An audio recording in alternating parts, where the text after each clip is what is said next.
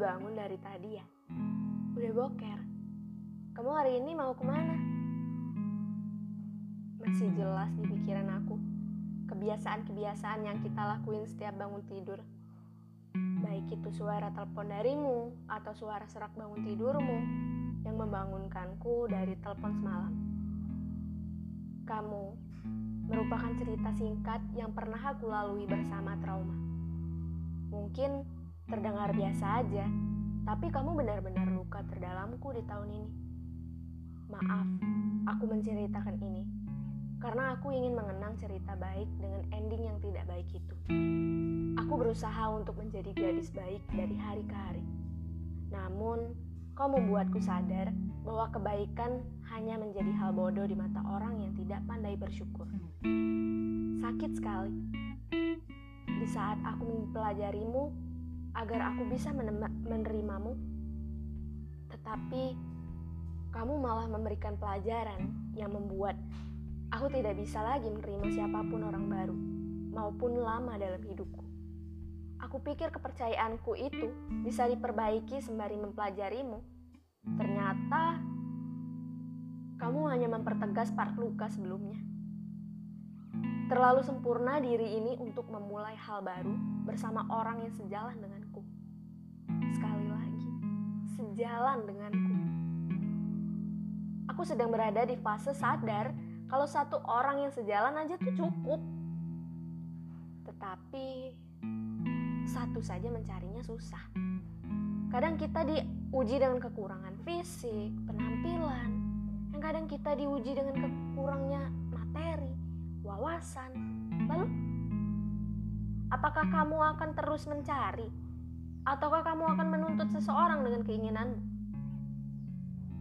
kurasa kamu hanya menguras energimu pada saat itu. Karena pada akhirnya, kamu akan dihadapkan dengan dua pilihan. Bertahan, lalu terimalah, atau mencari namun kau harus memantaskan diri juga. Ngomong-ngomong soal memantaskan diri nih, kita nggak akan pernah lepas dari tipe idaman.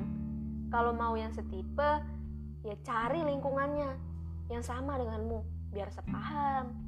Atau kalau kamu nggak mau, kamu bisa mempelajari orang lain yang gak selingkungan denganmu. Tapi di sini konteksnya kamu yang mencoba mempelajarinya, bukan dia yang kamu yang buat kamu belajar sendirian. Yang pasti kalau kamu beneran mau main, mau tanpa main-main lagi, kamu gak akan cepat berpindah haluan. Di saat kamu semakin tahu kekurangan orang tersebut, mungkin kamu bakalan jatuh hati karena ingin melengkapi. Tapi kamu nggak akan bisa jatuh hati kalau cuma soal fisik yang jadi tolak ukur. Memiliki seseorang bukan solusi terbaik. Kamu hanya menyakitkan atau bahkan kamu yang tersakiti nantinya. Mari kita kembali menjadi diri sendiri untuk sekarang. Terima kasih sudah percaya bahwa aku bisa mempelajari dan mempertahankanmu. Nyatanya, Cintamu tidak membuatku yakin, namun membuatku ragu. Berjanjilah untuk berhenti menyakiti ketika kau teringat tentang kita di awal Agustus 2022. Suatu saat nanti. Lupakanlah jika aku pernah mengabaikanmu di tahun 2016. Sampai tiba saatnya aku mencoba mempelajarimu di tahun ini. 2022 terlalu menyuramkan bagiku. Rasa sakit dan teras isu itu begitu sempurna dengan kau sebagai penutupnya. Jika kau mendengar ini hingga habis, aku ingin kau bahagia. Aku ingin kau mendapat apa yang kau butuhkan. Kasih sayang. Sepertinya iya, kau membutuhkan itu dari seorang perempuan yang bisa mengerti dirimu. Itulah sebagian kecil dirimu yang aku mengerti. Hari-hari di awal Agustus bersamamu, aku belajar untuk memberikan itu tetapi dunia sangat berbeda. Jalan kita yang membuat kita tidak sepaham. Tidak ada yang perlu dipaksakan lagi. Aku sudah mengajakmu untuk coba lagi sampai aku sadar. Jika kau benar-benar mencintaiku, kau akan kembali. Pergilah, cari jati dirimu.